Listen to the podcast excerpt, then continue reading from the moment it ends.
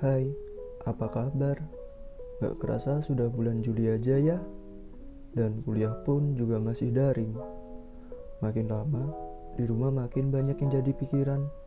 Apalagi kalau udah membuka media sosial.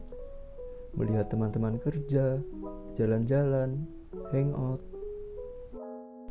Terkadang kita jadi insecure membandingkan diri sendiri dengan orang lain, entah itu dari segi penampilan, pencapaian, atau apa pun itu. Kata banyak orang sih, sekarang yang good looking lebih dilihat dan dihargai. Padahal bukan itu poinnya, tetapi lebih ke good personality. Kenapa? Karena kepribadian itu penting sekali. Banyak orang keterima kerja karena kompetensinya, tetapi dikeluarkan karena kepribadiannya. Jadi, semakin hari kepribadian kita harus semakin kuat atau lebih baik. Lalu, gimana sih cara melatih diri kita agar mempunyai kepribadian yang baik? Contohnya, ketika berhadapan dengan orang yang banyak cerita, kita juga bisa mungkin memposisikan diri kita seperti selalu excited ketika menanggapi cerita-ceritanya, dengan catatan tidak memotong pembicaraan orang tersebut.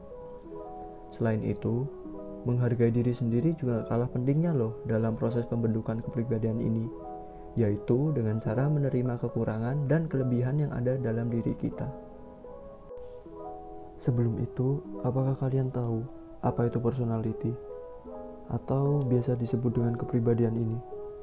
Nah, kepribadian ini tentang respon, kebiasaan, dan sifat yang ditampilkan oleh setiap individu. Hidup itu bukan soal menemukan siapa dirimu, tetapi merupakan soal penciptaan diri yang kamu inginkan. Dan kepribadian kita tidak langsung muncul bersamaan ketika kita lahir, melainkan kita yang harus membentuknya. Aku bisa berubah, kamu bisa berubah, dan semua orang bisa berubah. Kepribadian kita bisa diubah.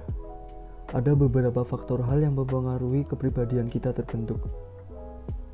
Bisa jadi karena lingkungan sosial, ataupun tujuan hidup kita.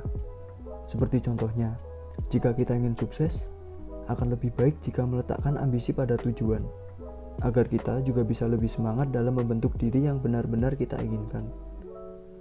Dan juga belajar memiliki prinsip yang kuat seperti tidak mudah terpengaruh oleh orang lain, sehingga di mana pun lingkungan kita berada, kita bisa membedakan mana yang baik untuk diserap ilmunya dan mana yang buruk.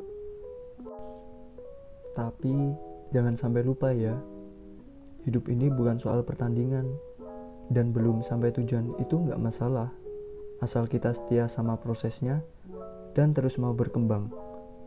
Karena apa? Karena setiap orang pasti menemui titik kebahagiaannya sendiri. Saya, Viko, terima kasih telah mendengarkan podcast ini. Sampai jumpa.